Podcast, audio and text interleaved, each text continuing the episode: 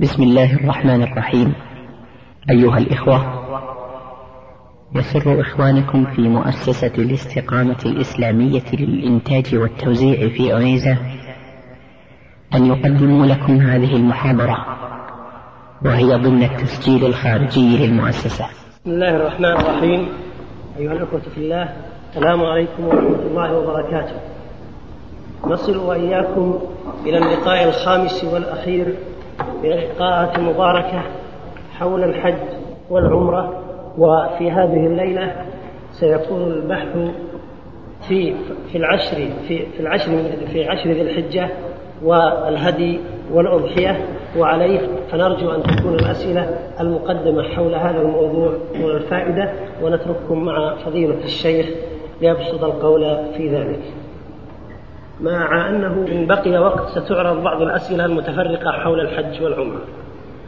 الحمد لله رب العالمين وأصلي وأسلم على نبينا محمد خاتم النبيين وإمام المتقين وعلى آله وأصحابه أجمعين. أما بعد فإننا نلتقي وإياكم في هذه الليلة ليلة الثلاثاء المتممة لشهر ذي القعدة عام تسع وأربعمائة وألف. وهذا اللقاء سيكون موضوعه الأضحية وما يتعلق بها.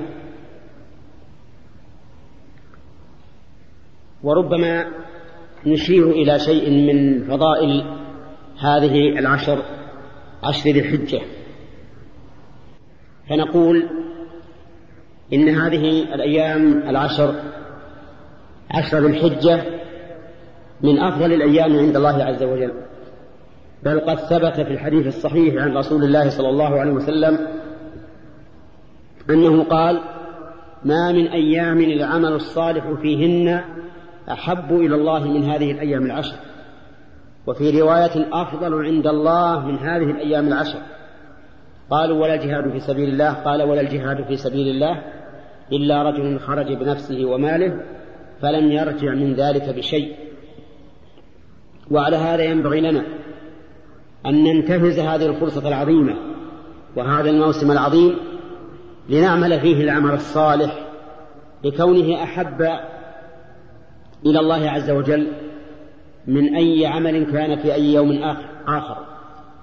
حتى إن العمل في هذه الأيام أيام عشر الحجة الأولى أفضل عند الله وأحب إلى الله من العمل في في العشر الأواخر من رمضان.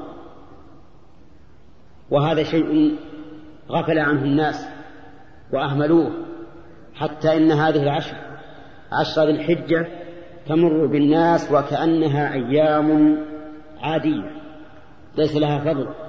وليس للعمل فيها مزية فلنكثر فيها من كل عمل صالح يقرب إلى الله عز وجل من الصلاة والذكر والصدقة والصوم وكذلك الإحسان إلى الخلق بالجاه والبدن وكل ما يقرب إلى الله سبحانه وتعالى. ولكن هناك أعمال صالحة خصصت في أيام معينة كالاعتكاف مثلا. فلا يشرع أن نخص هذه الأيام العشر بالاعتكاف وأن نعتكف فيها كما يعتكف في العشر الأواخر لأن العشر الأواخر إنما كان الرسول صلى الله عليه وسلم يعتكف فيها تحريا لليلة القدر. ولهذا اعتكف اعتكف العشر الأول ثم الأوسط ثم قيل له إنها في العشر الأواخر فاعتكف العشر الأواخر. ويكون الذكر على حسب ما جاء عن السلف. الله أكبر الله أكبر لا إله إلا الله والله أكبر الله أكبر ولله الحمد. أو يكون التكبير ثلاثا الله أكبر الله أكبر الله أكبر لا إله إلا الله والله أكبر الله أكبر الله أكبر ولله الحمد. يجهر بذلك الرجال في المساجد والأسواق والبيوت والمكاتب وغيرها وتسر بها المرأة بقدر ما تسمع من إلى جانبها. من دخول شهر ذي الحجة إلى آخر يوم من أيام التشريق فتكون الأيام ثلاثة عشر يوما. عشرة أيام آخرها العيد وثلاثة أيام وهي أيام التشريق. أما موضوع الأضحية فإن الأضحية من نعمة الله سبحانه وتعالى ومن رحمته ومن حكمته. أن شرع لأهل الأمصار الذين لم يقدر الله لهم أن يحجوا ويهدوا إلى البيت شرع لهم ما يشاركون به إخوانهم الحجاج فشرع لهم الأضاحي وشرع لهم العشر الأواخر الأول من ذي الحجة أن لا يأخذوا شيئا من شعورهم وأظفارهم وأبشارهم يعني جلودهم. كما ثبت ذلك في صحيح مسلم وغيره من حديث أم سلمة رضي الله عنها أن النبي صلى الله عليه وسلم قال إذا دخل العشر وأراد أحدكم أن يضحي فل فليمسك أو فلا يأخذن من شعره أو بشره أو ظفره شيئا حتى يضحي. وهذا الخطاب موجه لمن يضحي وليس لمن يضحى عنه. وعلى هذا فالعائلة الذين يضحي عنهم قيم البيت لا يحرم عليهم أخذ شيء من شعورهم وأظفارهم وأبشارهم لأن النبي صلى الله عليه وسلم خاطب من يضحي وكان عليه الصلاة والسلام يضحي عن عنه وعن أهل بيته ولم يأمرهم أن يمسكوا عن شعورهم وأظفارهم وأبشارهم. فدل هذا على أن الحكم خاص بمن يضحي. وأما قول بعض أهل العلم من يضحي ومن يضحى عنه فهذا لا دليل عليه. الأضحية اتفق وأنها من أفضل العبادات. ولهذا قرنها الله سبحانه وتعالى في كتابه بالصلاة. فقال فصل لربك وانحر. وقال قل إن صلاتي ونسكي ومحياي ومماتي لله رب العالمين لا شريك له وبذلك أمرت وأنا أول المسلمين. وبعد اتفاق العلماء علماء المسلم علماء المسلمين على مشروعيتها وأنها من أفضل الطاعات اختلفوا هل هي هل هي واجبة يأثم الإنسان بتركها أو سنة مؤكدة يكره له تركها ولا يأثم عليه على قولين لأهل العلم وهما روايتان عن الإمام أحمد رحمه الله. فذهب أبو حنيفة وأحمد في إحدى الروايتين عنه إلى أن الأضحية واجبة وأن من كان قادرا ولم يضحي فهو آثم عاص لله ورسوله. وذهب مالك والشافعي وأحمد في إحدى الروايتين عنه إلى أنها سنة مؤكدة لكن أصحاب الإمام أحمد رحمهم الله صرحوا بأنه يكره للقادر أن يدع الأضحية. وقد مال شيخ الإسلام ابن تيمية رحمه الله إلى القول بالوجوب وقال إن الظاهر وجوب الأضحية لأنها من شعائر الإسلام الظاهرة ولهذا كان ذبح الأضحية أفضل من الصدقة بثمنها. حتى إنك لو ملأت جلدها دراهم وتصدقت بهذه الدراهم لكان ذبحها أفضل من ذلك. وليس وليس الحكمة من الأضحية حصول اللحم وأكل اللحم ولكن الحكمة التقرب إلى الله تعالى بذبحها. قال الله تعالى لن ينال الله لحومها ولا دماؤها ولكن يناله التقوى منكم. فظن بعض الناس أن المقصود من ذلك الأكل والانتفاع باللحم ظن قاصر بل أهم شيء أن تتعبد لله تعالى بذبحه. ولهذا كان من الخطأ أن يصرف الإنسان الدراهم إلى الجهاد في أفغانستان ويدع الأضحية في بلده. فإن هذا يعني ترك شعيرة من شعائر الإسلام وهؤلاء الأفغانيون وغيرهم من المجاهدين في سبيل الله يمكن أن يرسل لهم الإنسان دراهم ويجعل هذه الشعيرة في في بيته وفي بلده لتقام شعائر الله عز وجل في أرض الله تعالى عموما. الأضحية أفضل من الصدقة بثمنها. ولكن لمن تكون الأضحية؟ لمن تكون الأضحية؟ الأضحية في الحقيقة مشروعة للأحياء وليست للأموات. فإن النبي صلى الله عليه وسلم ضحى عنه وعن أهل بيته والصحابة رضي الله عنهم كان الرجل يضحي بالشاة عنه وعن أهل بيته. ولم أعلم إلى ساعة هذه أن النبي صلى الله عليه وسلم ضحى لأحد من من أمواته. فقد مات له أقارب من أعز الناس عليه. استشهد عمه حمزة في أحد وماتت زوجته خديجة ومات ومات وماتت بناته وأولاده ما عدا فاطمة. ولم يضحي عن واحد منهم أبدا. ولم نعلم ولم أعلم إلى ساعة هذه أن أحدا من الصحابة ضحى عن أحد من أمواته. فلم يكن من هدي الرسول عليه الصلاة والسلام ولا من هدي أصحابه إفراد الميت بالأضحية.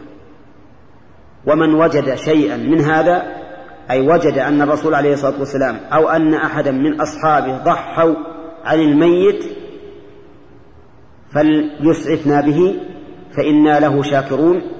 ولما ثبت من شرع الله تعالى منقادون إن شاء الله. لكن لا, لا يمكن أن يجب إذا فالأصل في مشروعية الأضحية أن تكون عمن نعم عن الأحياء لا عن الأموات. الأضحية عن الميت لم ترد في سنة الرسول عليه الصلاة والسلام ولا في هدي الصحابة رضي الله عنهم. لا ولهذا اختلف العلماء. هل تشرع أو لا تشرع؟ فقال بعض العلماء إنها ليست بمشروعة. وقال آخرون بل هي كالصدقة. فقاسوها قياسا على الصدقة. لأنهم لم يجدوا لها أصلا في السنة. فقاسوها عن الصدقة.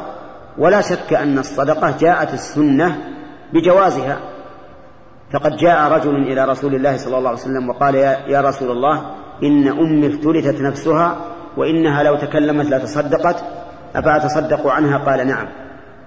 واستأذنه سعد بن عبادة رضي الله عنه أن يتصدق بمخرافه أي بنخله لأمه وقد ماتت فأذن له. أما أن أحد من الصحابة ضحى عن ميت أو استأذن النبي صلى الله عليه وسلم أن يضحي عن ميت فهذا لم يرد. والأضحية عن الميت تنقسم إلى ثلاثة أقسام. القسم الأول أضحية أوصى بها الميت فهنا نعمل بها. ونضحي له لأننا نضحي من ماله ومن وصيته.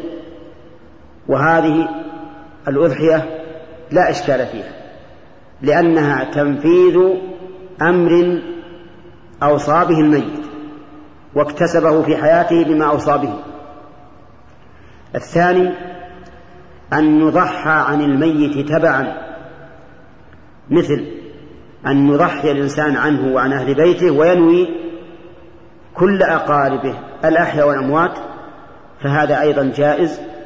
ويمكن أن يقال إن قول الرسول عليه الصلاة والسلام اللهم هذا عن محمد وآل محمد يشمل الحي والميت منه. ولكن الميت هنا دخل تبعا أو استقلالا؟ نعم دخل تبعا. والشيء الذي يتبع ليس كالشيء الذي يستقل. القسم الثالث أن يضحي للميت استقلالا بدون وصية.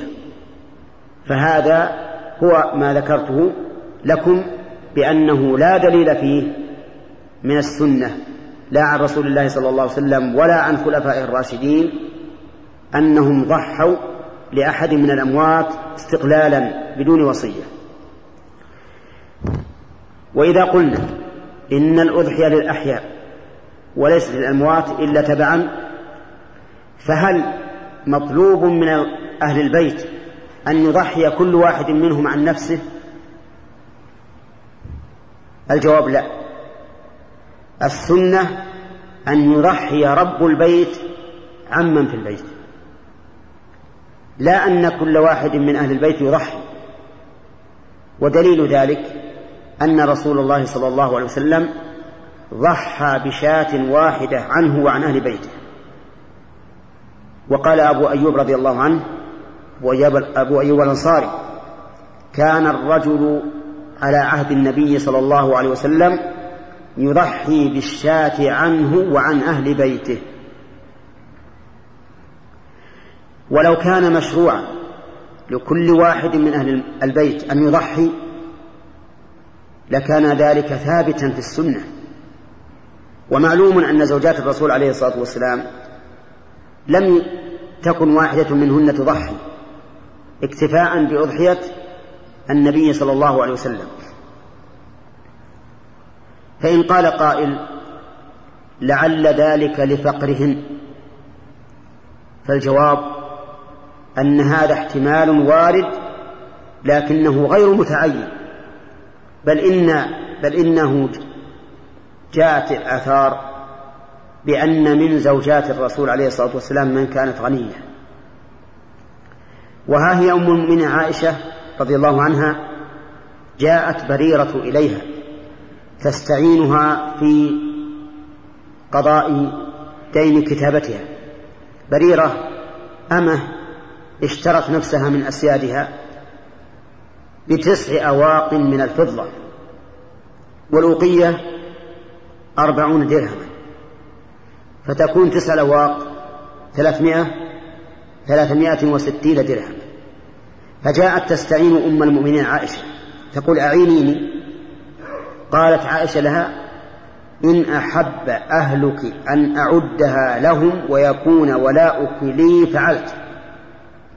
يعني أن أنقدها لهم نقدا. وهذا يدل على أنها كانت كانت كان عندها مال. أتدرون كم كم نحصل أو كم نحصل من الغنم في 360 درهما؟ كم نحصل؟ ها؟ يعني كم تساوي الشاة في, في ذلك الوقت؟ نعم. تساوي والله أعلم عشرة دراهم. عشرة دراهم ودليل ذلك أن النبي صلى الله عليه وسلم قال في مسألة الجبران في الزكاة قال إنه يعطي معها شاتين إن استيسرتا له أو عشرين درهما. شاتين أو عشرين درهما. وهذا يدل على أن الشاة في ذلك الوقت تساوي كم؟ عشرة دراهم. إذا فالحصول على الأضحية في ذلك الوقت متيسر. ومع ذلك لم يكن كل واحد من أهل البيت يذبح أضحية وفي عهدنا الآن لما أيسر الله على الناس صار بعض صار بعض أصحاب البيوت يضحي كل فرد بأضحية.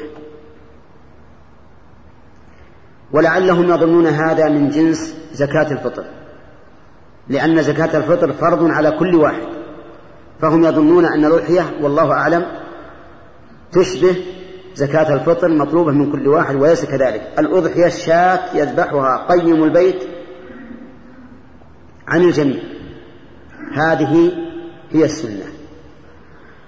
ثم إن الأضحية كما أشرت إليه آنفا هل المقصود منها اللحم أو المقصود التقرب إلى الله بالذبح؟ نعم. التقرب إلى الله بالذبح بدليل أن الإنسان لو اشترى لحم عشر من الإبل يعني فيه إبل عشر ذبحت واشترى لحمه ووزعه على الفقراء وضحى بواحدة بشاة واحدة أيهما أفضل؟ الأضحية بالشاة الواحدة؟ مع أن لحم عشر إبل أنفع للفقراء وأكثر نفعا لكن المقصود هو التقرب إلى الله تعالى بالذبح وعلى هذا فنقول إذا كانت الأضحية عبادة مشروعة فإن هذه العبادة يجب أن يتمشى فيها الإنسان على ما تقتضيه الشريعة. والشريعة جاءت بشروط معينة للأضاحي. انتبهوا لها. الشرط الأول أن تكون من بهيمة الأنعام. والشرط الثاني أن تبلغ السن المعتبر شرعا. والشرط الثالث أن تكون سليمة من العيوب المانعة من الإجزاء. والشرط الرابع أن تكون في الوقت المحدد لها شرعا. كم هذه؟ أربع شروط من يعيدها لنا؟ نعم. نعم. لا. أحب الترتيب نعم. نعم. أن تذبح في الوقت المحدد شرعا طيب. بهيمة الأنعام ما هي؟ هي الإبل والبقر والغنم. لو أن الإنسان ضحى بفرس عن شاة. هل تجزئ؟ نعم لا تجزئ الأضحية. لماذا؟ لأنه ليس من بهيمة الأنعام. وإن كان ثمن الفرس يساوي أضعاف أضعاف قيمة الشاة فإنها فإنه لا يجزي لأنه من غير الجنس الذي جاءت به السنة. الثاني أن تبلغ السن المقدر شرعا وهو في الإبل خمس سنوات. وفي البقر سنتان وفي المعز سنة وفي الضأن ستة أشهر نصف سنة. فما دون ذلك لا يجزي.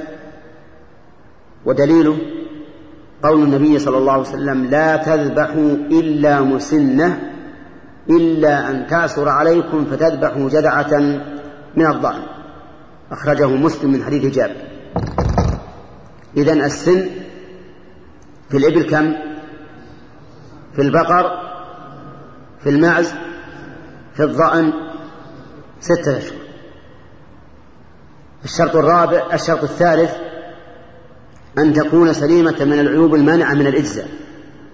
أن تكون سليمة من العيوب المانعة في الإجزاء أو المانعة من الإجزاء. والعيوب المانعة من الإجزاء أربعة أربعة. حصرها النبي صلى الله عليه وسلم حين سئل ماذا يتقى من الضحايا؟ فقال أربع وأشار بأصابعه. الأربعة تأكيدا. العورة البين عوره والمريضة البين مرضه والعرجى البين ضلعها والكبيرة التي لا تنقي. يعني التي ليس فيها نقي والنقي المخ. طيب أربع. أعيدها. المريضة البين مرضه العورة البين عوره العرجاء البين ضلعها. الكبيرة التي إيش؟ لا تنقي أي ليس فيها نقي والنقي والمخ. هذه أربع لا تجزئ في الأضاحي.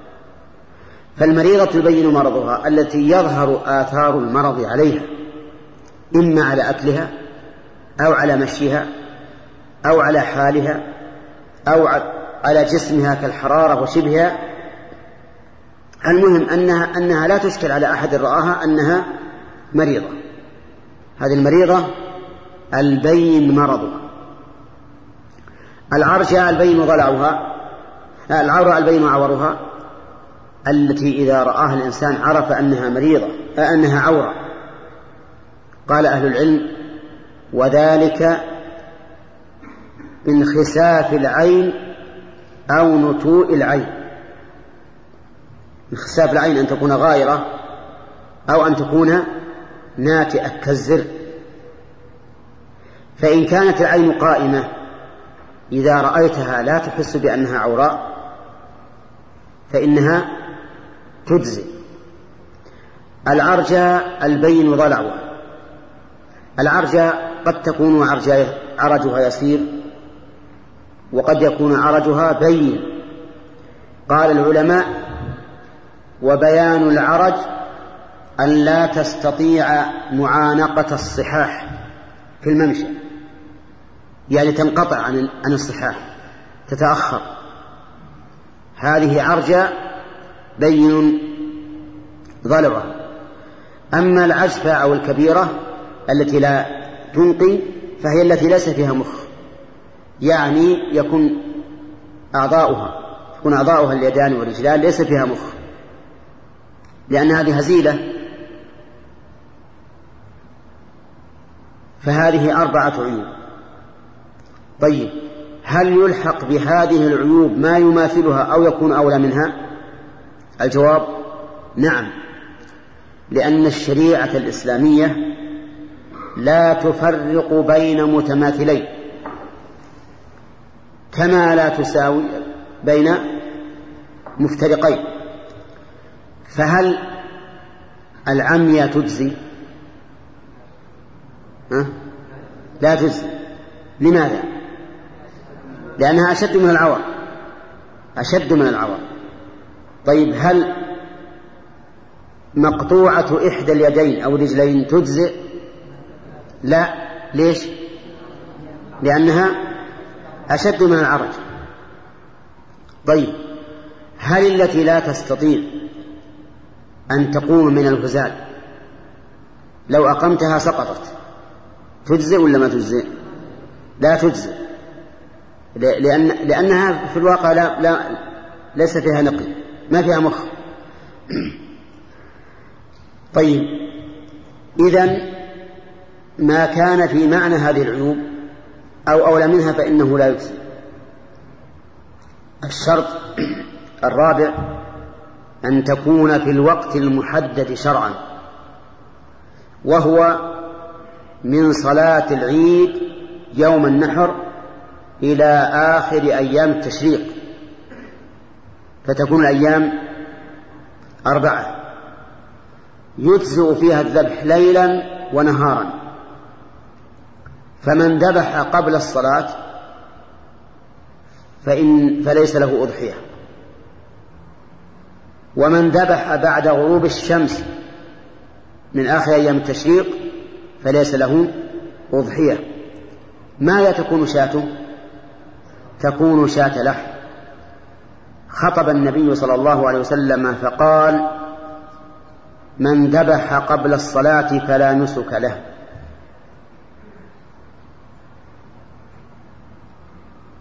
وإنما هو لحم قدمه لأهله.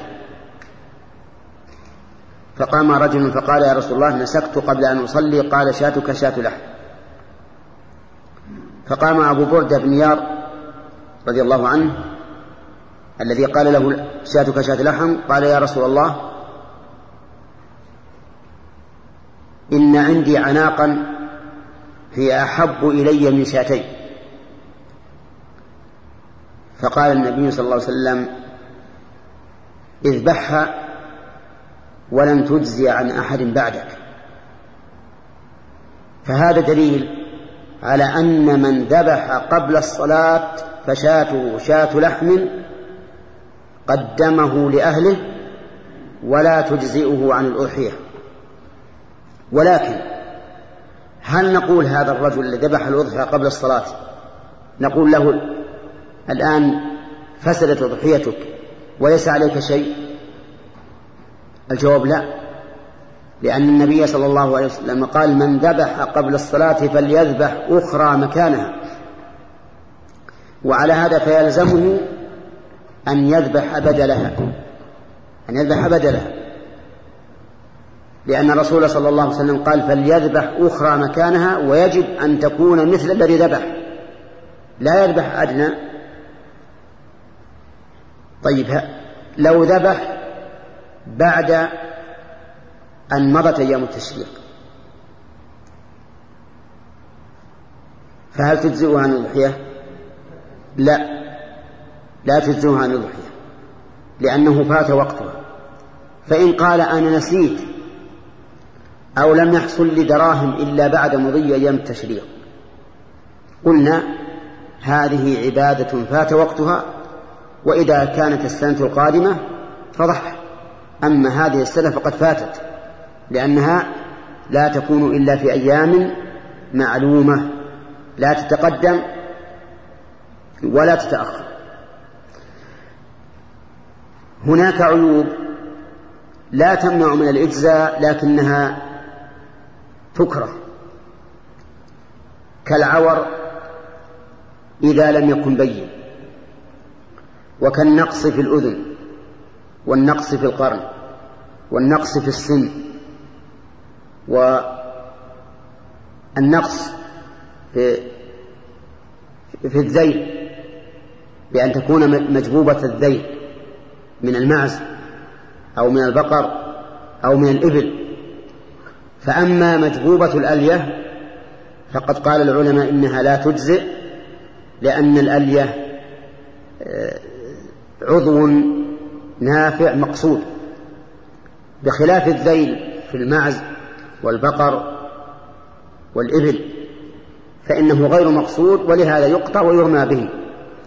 ومثل ذلك الذيل الغنم الأسترالية فإنه ليس كال ليس كالألية وإنما هو كالذيل من البقر ليس فيه شيء مقصود.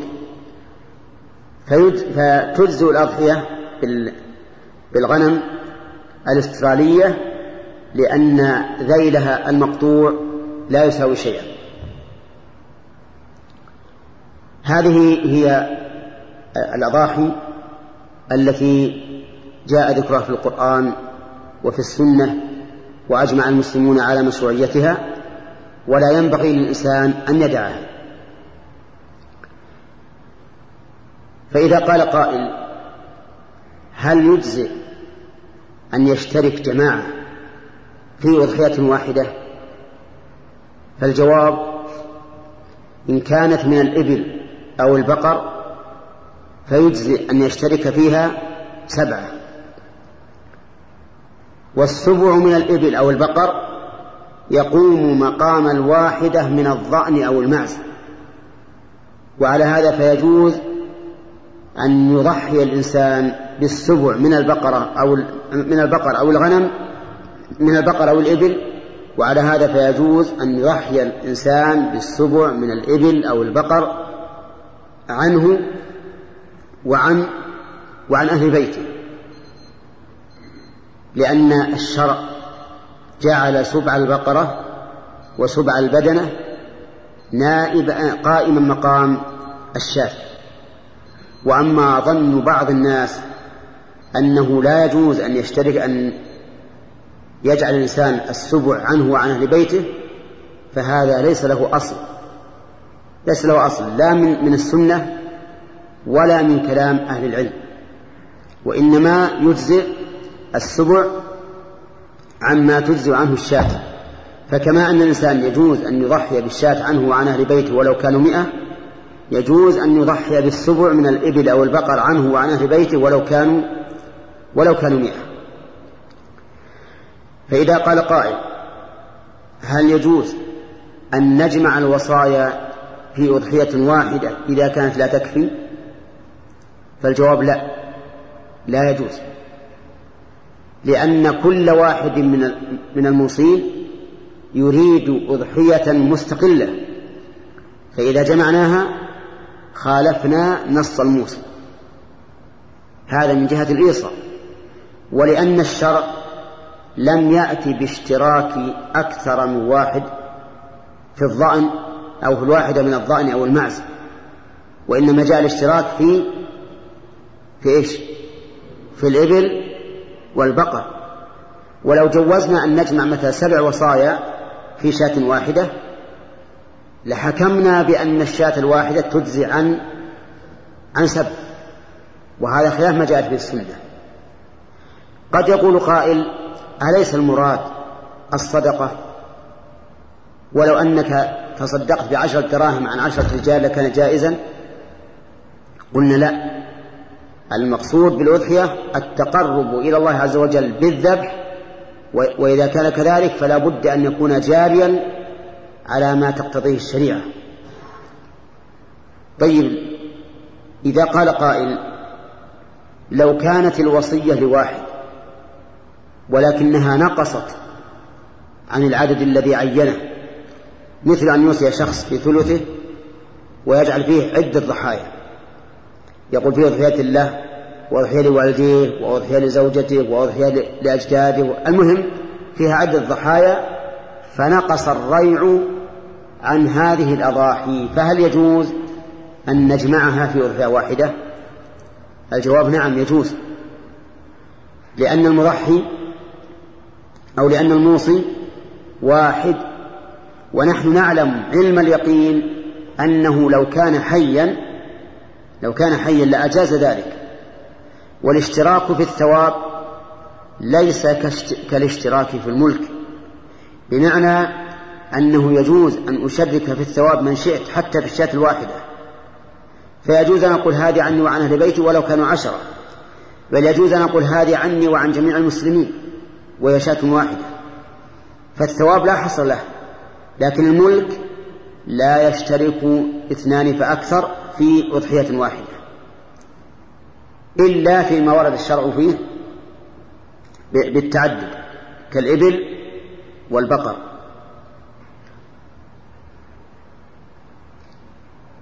ولعلنا نتمم ذلك بالكلام على العقيقة. العقيقة هي التي تذبح للمولود. وقد ثبتت بها السنة. ومن العلماء من قال بوجوبها وأن من لم يعق عن ولده فهو آثم. ولا شك أن العقيقة التي نسميها التميمة سنة مؤكدة. عن الولد عن عن الولد الذكر شاتان وعن ولد الأنثى شاة واحدة. تذبح في اليوم السابع وإنما اختير اليوم السابع لأن الأيام أيام الدهر تمر على هذا الصبي أليس كذلك؟ ها؟ تمر عليه الأيام كلها فلما مرت عليه الأيام كلها صار أنسب ما يكون أن تذبح في اليوم الذي يكون فيه التكرار إذا ولد المولود في يوم فإن العقيقة تكون في اليوم الذي قبله. صح؟ ها؟ لا في اليوم الذي قبله في الاسم يعني ما هو في الواقع. إذا ولد يوم الاثنين متى تكون عقيقة يوم الأحد. إذا ولد يوم الأحد فالعقيقة يوم السبت. يوم السبت فالعقيقة يوم الجمعة. يوم الجمعة فالعقيقة يوم الخميس. المهم تكون عقيقة في اليوم الذي قبل يوم ولادته. يعني في الاسم ما هو قبل أن يولد في الاسم. لماذا؟ لأنه إذا جاء اليوم الذي ولد فيه فهذا اليوم الذي ولد فيه مكرر. مكرر. فتتم الأيام السبعة عليه في اليوم الذي يليه يوم ولادته. وهذه العقيقة تؤكل ويطعم منها الجيران والفقراء ويدعى إليها أيضا. فهي جامعة بين الدعوة إليها والإطعام منها والصدقة. وأما الأضاحي فإنها فإنه يؤكل منها ويهدى ويتصدق. العقيقة إذا فات اليوم السابع فمتى تكون؟ قال العلماء تكون في اليوم الرابع عشر. وإذا فات فتكون في اليوم الحادي والعشرين. وإذا فات لم تتقيد بالأسابيع. إذا فات اليوم الحادي والعشرون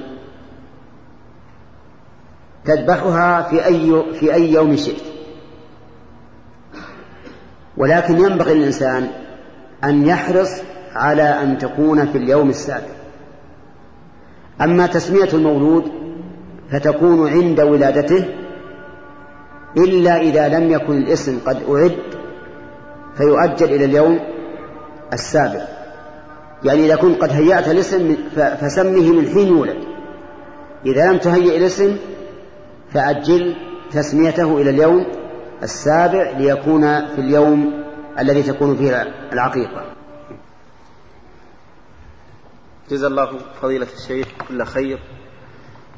ونعرض هذه الأسئلة وإن كان فيه كمية عدد كبير منها. سؤال يقول فضيلة الشيخ هل التكبير في هذه الأيام مقيد أم مطلق؟ وهل يقدم على الأذكار الواردة؟ نرجو التفصيل. وهل ورد دليل على الفرق من حيث فيها؟ وما وقتها من حيث الابتداء والانتهاء؟ نعم. العلماء رحمهم الله تكلموا في هذه المسألة في المقيد والمطلق بكلام كثير لكن ليس فيه شيء مأثور عن النبي عليه الصلاة والسلام والمشهور من مذهب الإمام أحمد رحمه الله أن التكبير المطلق يعني الذي في كل وقت من دخول شهر الحجة إلى صلاة يوم العيد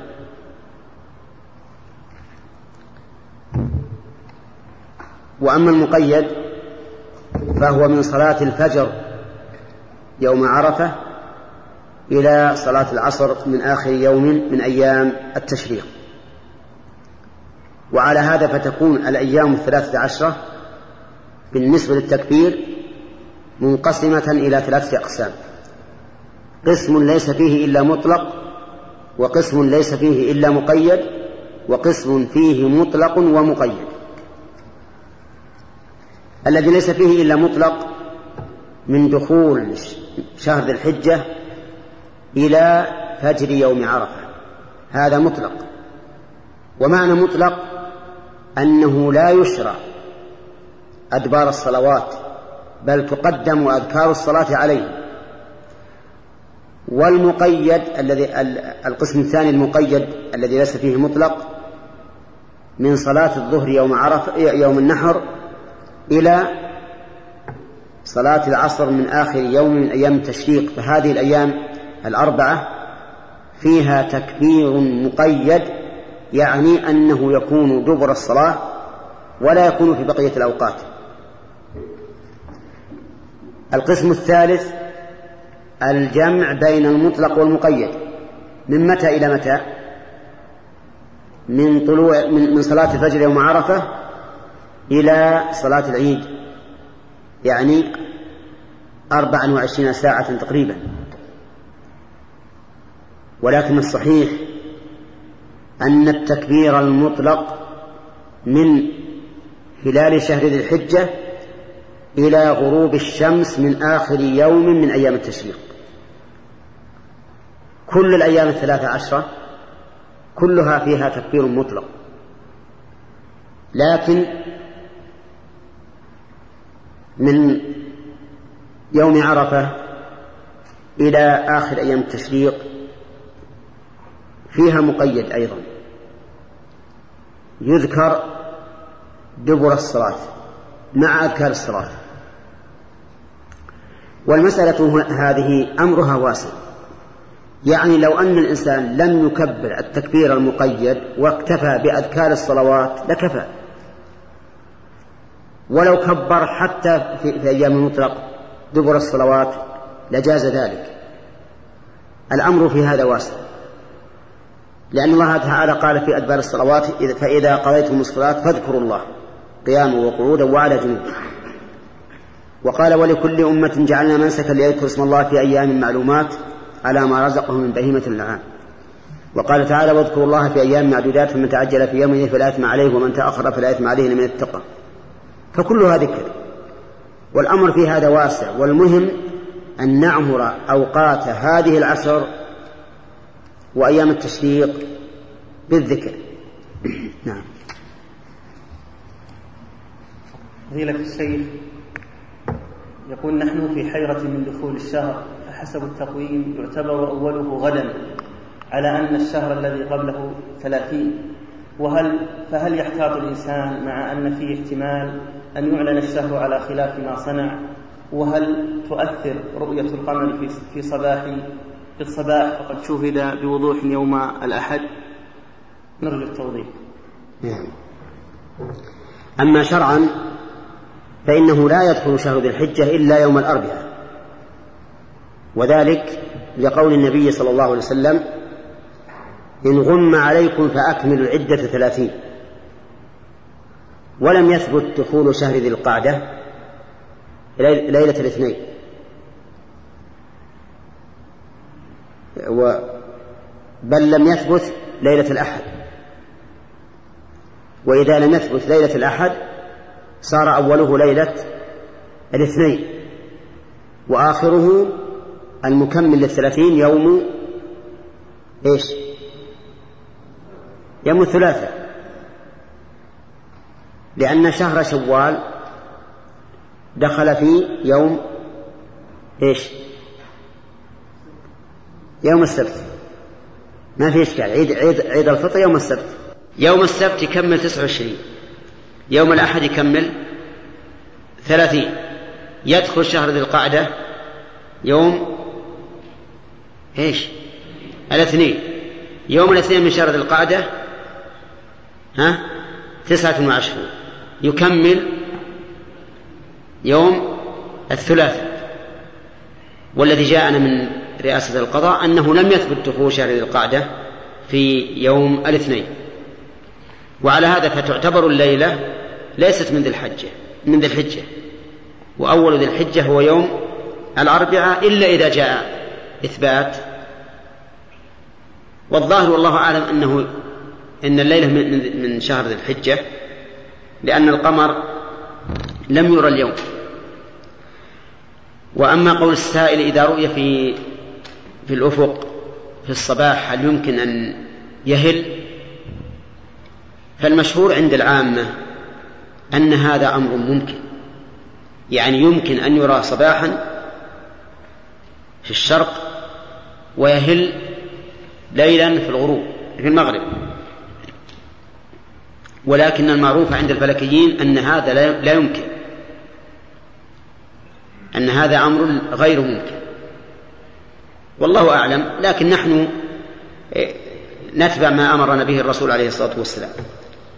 قال في في رمضان إذا رأيتموه فصوموا وإذا رأيتموه فأفطروا فإن غم عليكم فأكملوا العدة ثلاثين. نعم. حول الموضوع متى يتحدد منع المضحي من أخذ شيء من شعره وأظفاره وبشرته. هل يبدأ من نهار اليوم الأول من ذي الحجة أم من الليلة السابقة وفي أي ساعة؟ وهل نعم. السؤال نفسه الرسول صلى الله عليه وسلم يقول إذا دخل العشر. ونحن الآن قررنا بأن العشر لا يدخل شرعا إلا ها؟ إلا ليلة الأربعاء يعني الليلة ليست من العشر. ما لم يثبت أنها من العشر. فحينئذ لا يدخل المنع إلا من القابلة من الليلة القابلة ليلة الأربعاء. ما لم يثبت الشرع. نعم. أسئلة حول من يريد الحج ويريد الأضحية. سائل يقول ما موقف الحاج الذي يريد أن يضحي؟ هل يشرع له الأضحية أم يكفي أن يهدي مع الدليل؟ وآخر في نفس الموضوع يقول من أراد أن يحج متمتعا وله أولاد صغار لم يحجوا معه فهل يكفي الهدي له أم لا بد من الأضحية؟ وما حاله بالنسبة للأخذ من الشعر والأظفار؟ نعم. أما الإنسان الذي سيحج هو وأهله فإنه لا حاجة إلى الأضحية في حقهم لأنهم سوف يهدون والهدي في مكة أفضل من الأضحية. الهدي في مكة للآفاقيين أفضل من الأضحية. وأما من كان يريد أن يحج بنفسه أو ببعض عائلته ويبقى العائلة ويبقى البعض في البلد فهذا يشرع له أن يضحي لأهله الباقين. أضحية عندهم ما يذهب بها معه إلى مكة وحينئذ يثبت له يثبت في حقه حكم المنع من أخذ الشعر والأظفار والبشرة. إلا أنه إذا تمتع لا بد أن يقصر من شعر رأسه ويسمح له في ذلك لأن التقصير حينئذ نسك نسك مأمور مأمور به من واجبات العمرة. فهذا هو الكلام والتفصيل في من يريد الحج ويريد الأضحية. وخلاصته أن من أراد أن يحج بأهله فلا حاجة به إلى الأضحية. اكتفاء بماذا؟ بالهدي. ومن كان أهله سيبقون أو بعض أهله فإنه يضحي. يعني يوصي يوصيهم بالأضحية وحينئذ يكون مضحيا لأهله في بلده ويكون مهديا لنفسه ولمن معه في مكة. ويتجنب أخذ الشعر والأظفار والبشرة إلا أخذ الشعر في التقصير للعمرة لأنه نسك. نعم. سائل يقول إذا كان لي أولاد ولي دخل مالي وأسكن مع والدي وترغب نفسي في الأضحية فهل أكتفي بوالدي وأحرم نفسي كما أشرتم أم ماذا أصنع؟ وهل هذا مقيد, مقيد بمن تجب له النفقة على والدي فقط وجزاكم الله خيرا. نعم. السنة كما ذكرت أن الرجل يضحي عنه وعن أهل بيته. كل من في البيت من أولاد كبار أو صغار ذكور أو إناث تكفيهم الأضحية الواحدة. يقوم بها رب البيت. أما إذا كان الإنسان منفصلا عن أبيه هو في بيت وأبوه في بيت فلكل واحد منهما أضحية. الأب يضحي عنه وعن أهل بيته والابن يضحي عنه وعن أهل بيته. نعم. يقول أسكن مع والدي. إذا كان يسكن مع والده فمعناها الأضحية الواحدة تكفيه يقول هل هو مقيد بمن تجب عليه النفقة؟ يعني الأب. لا أبدا. هو يضحي عنه وعن أهل بيته كل اللي في البيت. يكفيهم أضحية واحدة نعم يقول السائل إذا ذهب الضعفة من مزدلفة بعد غروب القمر ورموا قبل الفجر. ولكن يجب أن تلاحظوا بارك الله فيكم أننا إذا قلنا هذه السنة ليس معناه أنه يحرم لكن لا شك أن أن التمسك بالسنة خير من عدم. يعني مثلا أضرب لكم رجل رجلين أحدهما قام يصلي سنة الفجر لكن يخففها. والثاني قام يصلي سنة الفجر لكن يطول فيها. أيهما الأوفق للسنة؟ الأول الذي يخفف لكن الثاني لا يأثم. وإن كان يطول ويفعل خلاف السنة لكن لا يأثم. فإذا قلنا إن السنة أن يقتصر أهل البيت على ضحية واحدة يقوم بها رب البيت فليس معنى ذلك أنهم لو لو فعلوا لو لو, لو ضحوا بأكثر من واحدة أنهم يأثمون. لا يأثمون لكن المحافظة على السنة أفضل من كثرة العمل. والله سبحانه وتعالى يقول ليبلوكم أيكم أحسن عملا. ولهذا لما بعث النبي صلى الله عليه وسلم رجلين في حاجة فلم يجد الماء فتيمما وصليا ثم وجد الماء.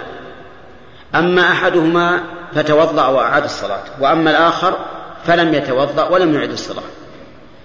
فذكر ذلك لرسول الله صلى الله عليه وسلم فقال للذي لم يعد أصبت السنة.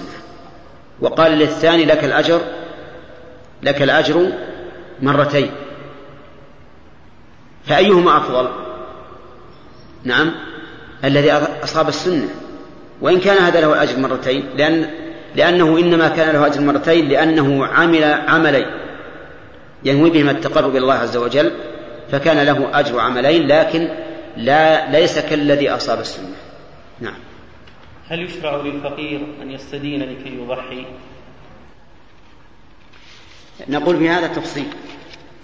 الفقير الذي ليس بيده شيء عند حلول الأضحى عيد الأضحى لكنه يأمل أن يحصل مثل كإنسان له راتب شهري. صادف أنه في يوم العيد ليس عنده شيء ليس بيده شيء. لكن يستطيع أن يستقرض من صاحبه ويوفي إذا جاء الراتب. فهذا ربما نقول لك أن تستقرض وأن تضحي ثم توفي. أما إذا كان لا لا يأمل ذلك لا يأمل الوفاء عن قرب فإننا لا نستحب له أن يستقرض ليضحي. لأن هذا يستلزم إشغال ذمته بالدين ومنة الناس عليه ولا يدري هل يستطيع الوفاء أو لا يستطيع. نعم. أيهما أفضل أن يدفع رب البيت قيمة الأضحية لوحده أو يشترك أو يشرك معه من يستطيع من أفراد عائلته بقيمة الأضحية خاصة إذا كان في هذا تطيب لنفوسهم؟ وجزاكم الله خيرا. نعم. الأفضل أن يقوم بها وحده. كما في حديث أبي كان الرجل عهد النبي لم يضحي بالشاة عنه وعن أهل بيته. وأما تطيب نفوسهم فتطيب نفوسهم بأن يقال لهم السنة هي التي بها طيب النفس. والناس إذا عودوا على الشيء اعتادوا عليه وسهل عليه. لا شك أن الناس الآن اعتادوا أن كل واحد يضحي. ولكن إذا قيل لهم السنة أن يكون المضحي رب البيت وأن ورب البيت وأنتم إذا كان لديكم وفرة من المال فتصدقوا بها. تصدقوا بها على من شئتم من, من الناس. ومع هذا لا نمنعكم من أن تضحوا. لو أنكم ضحيتم ما في ليس عليكم إثم. ولكن المحافظة على السنة وعلى ما كان عليه الصحابة لا شك أنه أولى. نعم. فضيلة الشيخ إذا فرض أن الإنسان لم يتمكن من المبيت بمزدلفة لأي سبب من الأسباب كضياعه أو غير ذلك هل يلزم عليه دم؟ نعم الظاهر أنه يلزمه دم على حسب قواعد أهل العلم لكنه لا إثم عليه وذلك أن تارك الواجب إن كان معذورا فلا إثم عليه لكن عليه البدل وهو الدم وإن كان متعمدا صار عليه الإثم والدم. والظاهر أنه يلزمه دم على حسب قواعد أهل العلم. نعم لو أن الإنسان منع من أن منع من أن يبيت بمزدلفة فهذا لا شيء عليه. لأنه منع من ذلك إكراه على سبيل الإكراه. نعم. سائل يقول لقد ذكرت في خطبة الجمعة قبل الماضية أنه من أرسل الخادمة بدون محرم أنه آثم. فماذا نقول إذا كان صاحب الخادمة قد قطع عهدا في العقد بينه وبين صاحب المكتب الذي أتى بالخادمة أنه سوف يحج بها؟ نعم. آه نقول إن الخادمة أنثى امرأة. وقد قال النبي صلى الله عليه وسلم لا تسافر امرأة إلا مع ذي محرم فأي إنسان يقول إن الخادم يجوز أن تسافر مع مستخدميها؟ نقول له هات, هات الدليل على إخراج هذه المرأة من هذا الحديث. وإلا فاستعد لمحاسبة الله لك يوم القيامة. لأن النبي صلى الله عليه وسلم بلغ البلاغ المبين. قال لا تسافر امرأة إلا مع ذي محرم فهل هذه امرأة أو لا؟ لا يمكن أن يقول ليست امرأة. فإذا قال هي امرأة نقول ما الذي أخرجها من العموم؟ هات الدليل وإلا فاستعد للجواب أمام الله يوم القيامة. فإذا قال إنه قطع عهدا على نفسه أن تحج فالجواب أن يقال نعم هذا العهد يجب أن يوفي به لكن على حسب القواعد على حسب ما تقتضي الشريعة لا على مخالفة الشريعة. كل شرط ليس في كتاب الله فهو باطل وإن كان مئة شرط. فنقول هذا الشرط يجب عليك أن تلتزم به وذلك بأن تقوم بتحجيجها إذا حضر محرمه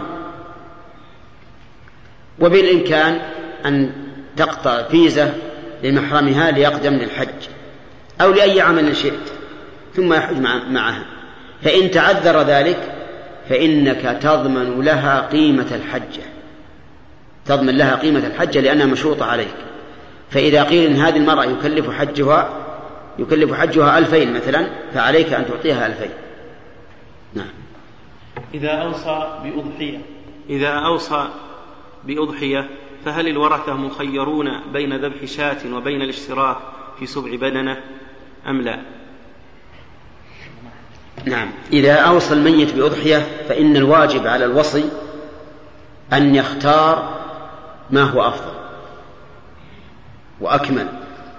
ومعلوم أن الشاة أفضل من سبع البدنة أو البقرة لكن إذا كانت الوصية قليلة لا تكفي للواحدة من الضأن أو المعز وتكفي للسبع من البدنة والبقرة فحينئذ يشتري سبع بدنة أو بقرة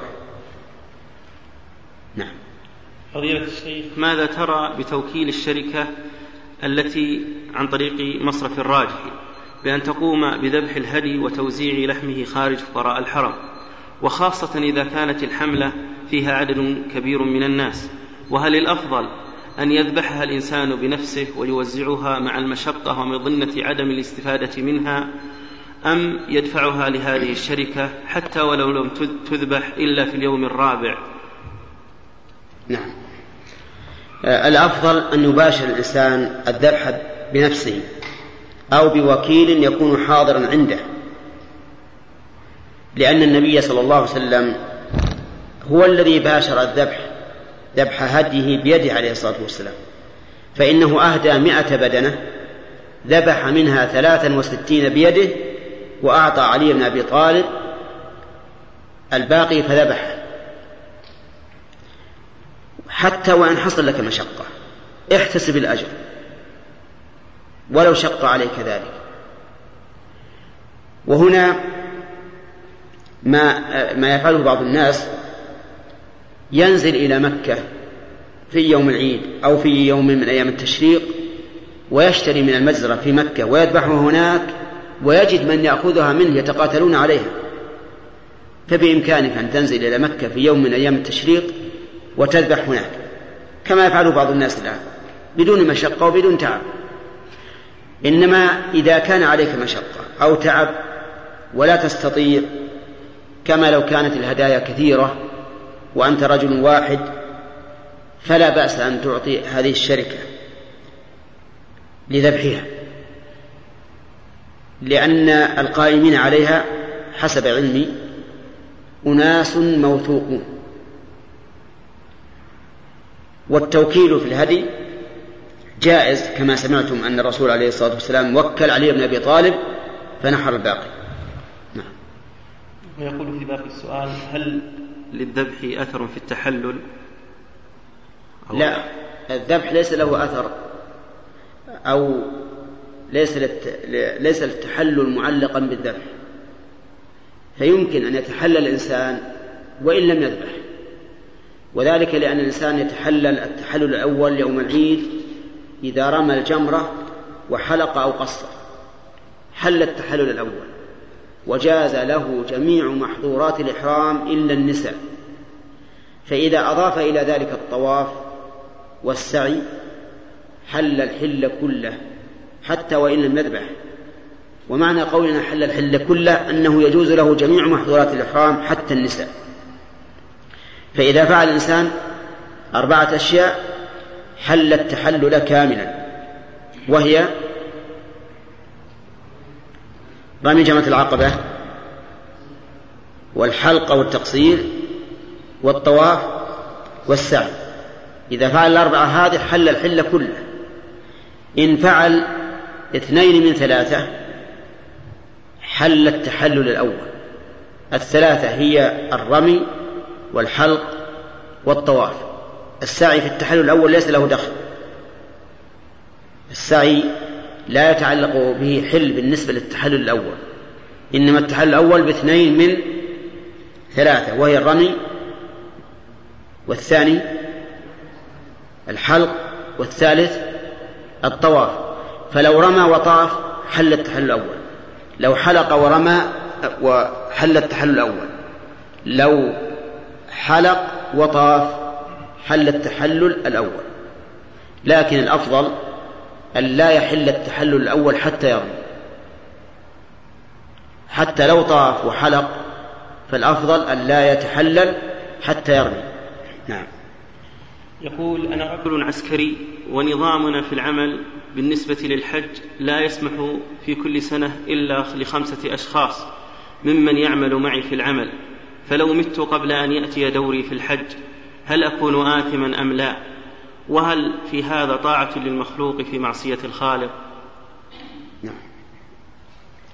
نقول في الجواب الأول إذا كانت الحكومة قد رتبت حج أفراد هو يقول الشرطة آه، نعم. قد رتبت حج أفراد العسكر فإنه إذا إذا مات الإنسان قبل أن يأتي دوره فلا إثم عليه. لأنه مأمور بطاعة ولي الأمر ولأنه داخل على أنه ملتزم بما يقتضيه هذا العقد مع الدولة. وقد قال الله تعالى يا أيها الذين آمنوا أوفوا بالعقود فلو مت قبل أن تأتي بالواجب فإنه لا شيء عليك. ثم إني أقول إن بعض العلماء قال إن الحج لا يجب على الفور. بمعنى أنه يجوز للإنسان أن يؤخر الحج ولو بدون عذر حتى وإن كان غنيا ويرى أن أن الحج أمره واسع. لقول النبي صلى الله عليه وسلم الحج مرة فما زاد فهو تطوع. فإذا حججت مرة ولو في آخر عمرك فقد أتيت بالواجب. وأنا أتيت بهذا القول من أجل أن يتسع صدر مثل هذا الأخ السائل. وإلا فإن القول الراجح أن الحج واجب على الفور وأن من تمت فيه شروط الحج وجب عليه أن يبادر به. نعم. امرأة تريد أن تضحي ولكنها لا تستطيع ترك رأسها دون تسريح لمدة يوم لمدة أيام. لأنه ربما تساقط معظمه فهل يجوز لها تسريحه مع المحافظة أو المحاولة على عدم سقوطه؟ وأحيانا ربما يكون عليها غسل واجب. الجواب نعم إذا كانت يشق عليها أن تبقى بدون تسريح لمدة عشرة أيام فإن لها أن تسرحه لكن برفق وإذا سقط شيء منها من التسريح بغير قصد فلا شيء عليه. ولكن تأتي مسألة تعدد الضحايا في البيت الواحد. هذه المرأة كيف تضحي وعندها قيم البيت؟ إذا كان عندها قيم في بيتها فإن أضحية القيم تجزئ عنها. لكن قد تكون أحيانا هي قيمة البيت.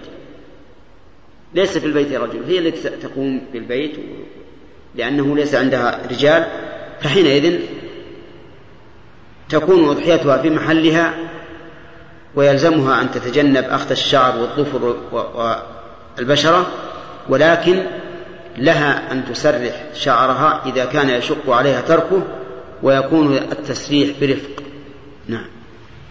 مجموعة من الحجاج قد عقدوا العزم على الحج بإذن الله وهم من مدينة الرياض وقد كلفوا للعمل في مطار جدة وبعضهم عقد نيته على الإفراد وبعضهم عقدها على التمتع والآخرون على القران ولكنهم تجاوزوا الميقات ولم يحرموا حيث أن هناك زمنا طويلا بين بداية عملهم في المطار وبين موسم الحج بما يقارب الشهر فما موقفهم الآن؟ وقد تجاوزوا الميقات فهل عليهم دم كلهم أو بعضهم حسب النية؟ أما من أراد منهم التمتع فالحقيقة أنه أن عدم إحرامه من الميقات خطأ مخالف للحكمة. لأن الأولى به أن أحرم من الميقات وأتى بالعمرة وخرج إلى إلى جدة. وأما من كان قارن من أراد القران والإفراد فصحيح أنه سيشق عليه أن يبقى شهرا كاملا في إحرامه. لكن نقول إنه لا حرج عليه أن يبقوا في جدة وإذا جاء وقت الحج خرجوا إلى الميقات الذي تجاوزوه وأحرموا منه. مثال ذلك لنفرض أنهم من أهل الرياض. كما قال أظن قال من أهل الرياض ومروا بميقات أهل نجد بالسير وذهبوا إلى جدة. نقول إذا أردتم الإحرام بالحج فلا بد أن تذهبوا إلى السير وتحرموا منه. لتحرموا من الميقات الذي يجب عليكم الإحرام منه. فإن قدر أن تعذر هذا ولم يتمكنوا من الذهاب إلى إلى إلى الميقات فلهم أن يحرموا من جدة وعليهم عند أهل العلم دم يذبح في مكة ويوزع على الفقراء. والمتمتع الآن مثلهم. ما دام ما دام إلى الآن لم يحرم فإذا أراد الإحرام بالعمرة فلا بد أن يذهب إلى السيل ويحرم منه ويطوف ويسعى ويقصر ويحل. نعم. جماعة من أهل القصيم أحرموا بالعمرة متمتعين بها إلى الحج في الخامس والعشرين من هذا الشهر وبعد الانتهاء من العمرة ذهبوا إلى جدة للنزهة ونووا العودة إلى مكة في اليوم السابع من ذي الحجة. فهل عليهم هدي أم يعاملون معاملة أهل مكة؟ أم يعاملون معاملة أهل مكة؟ وإذا كان أحدهم قد حج متمتعا منذ, منذ سنوات بنفس الطريقة ولم ينحر هديا فما يجب عليه الآن. يقول إن هؤلاء الذين ذهبوا من القصيم متمتعين وأتوا بالعمرة في الخامس والعشرين من شهر ذي القعدة وخرجوا إلى جدة وهم سيحرمون في الحج في وقته. هو يقول في اليوم السابع ولعله في اليوم الثامن. فهؤلاء يعتبرون متمتعين. وسفرهم إلى جدة لا يسقط عنهم الهدي. لأنهم لم يرجعوا إلى بلده. الذي يبطل تمتعه هو الذي يرجع إلى بلده بعد العمرة ثم يحرم من بلد من ميقات بلده بالحج. وأما الذي يخرج إلى جدة أو إلى الطائف ويحرم بالحج من هناك فإنه على تمتعه ويجب عليه الهدي. وعلى هذا فنقول لهؤلاء إذا كان يوم, يوم ثمانية أحرموا بالحج وعليكم هدي التمتع. والذين فعلوا مثل هذا الفعل في سنوات مضت ولم يهدوا أو لم يهدوا هديا عليهم أن يهدوا الآن. يذبحوا هديا الآن قضاء لما سبق لأن سفرهم إلى جدة لا يسقط عنهم الهدي. وإنما الذي يسقط به الهدي كما أشرت إليه أن يرجع الإنسان إلى بلده ثم يعود من بلده محرما بالحج. نعم. إذا تعجل الضعفة بالدفع من مزدلفة بعد مغيب القمر مباشرة. وتمكنوا من الرمي والطواف والسعي قبل الفجر فما الحكم في عملهم؟ آه، عملهم جائز ولا بأس به لأنه إذا إذا جاز للإنسان أن يدفع من مزدلفة جاز أن يفعل كل ما يترتب على ذلك. فإذا دفع الضعفة من مزدلفة في آخر الليل بعد مغيب الشفق بعد مغيب القمر ووصلوا إلى منى فليرموا الجمرة. ولينزلوا إلى مكة ويطوفوا ويسعوا ويرجعوا. ولو رجعوا قبل الشمس في هذا المثال فلا بأس لأنه إنما جاز الدفع للضعفة من أجل أن يأتوا بمناسك الحج قبل زحمة الناس وحطمه وحطمه نعم. ما حكم من يصوم يوما ويفطر يوما في عشر ذي الحجة؟ طيب. يكون هذا آخر سؤال. نعم. إيه. ما حكم من يصوم يوما ويفطر يوما في عشر ذي الحجة أو يصوم يوم السابع والثامن والتاسع فقط وينوي بها صيام ثلاثة أيام من الشهر؟ وهل يلزم من صام يوما منها أن يصومها كلها؟ فإن هذا يتناقله بعض العوام. نعم. إذا صام يوما وأبطل يوما من شهر ذي الحجة من من عشر ذي الحجة لا باعتقاد أنه سنة. فهذا لا بأس به. لأن الإنسان قد يكون له أشغال ويحب أن يفطر فيما بين صيامه لينشط على شغله. وأما إن اتخذ ذلك سنة فهذا لا يجوز لأنه لم يرد عن النبي عليه الصلاة والسلام إلا صيامها كاملة. وأما إذا صام الثلاثة الأخيرة من من التسعة وهي السابع والثامن والتاسع بنية أنها عن ثلاثة أيام من كل شهر فهذا أيضا لا بأس به. أما إذا صامها بالنية التي يقولها العوام وهو وهو صيام ثلاث الحجة فهذا لا أصل له.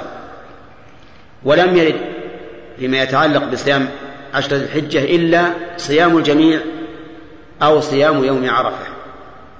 أما تخصيص ثلاثة أيام على أنها كما يقولون ثلاثة الحجة فهذا لا أصل له.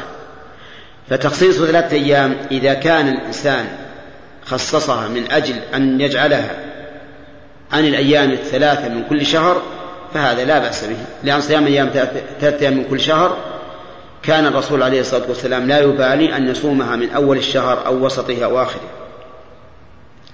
وأما باعتقاد أن أن السابع والثامن والتاسع من هذا الشهر يسن صومه فهذا لا أصل له نعم باقي السؤال يقول طيب شو يقول؟ من صام يوما فهل يلزمه صيامه كما يتنقله العوام؟ لا وأما من صامها سنة من السنوات فلا يلزمه أن يصومها في المستقبل لأن كل نفل قام به الإنسان في وقت فإنه لا يلزمه أن يقوم به في كل وقت لأنه نفل إن شاء فعله وإن شاء تركه لكن ينبغي للإنسان إذا عمل عملا أن يثبته وأن يستمر فيه. هل يلزم من صام يوما من العشر أن يصومها كلها؟ لا.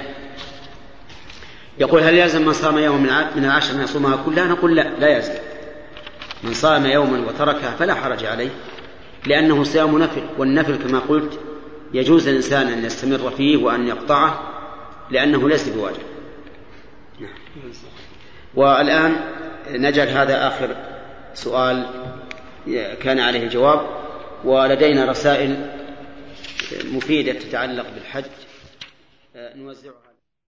جزا الله فضيلة الشيخ على ما وضحه لنا. السلام عليكم ورحمة الله وبركاته.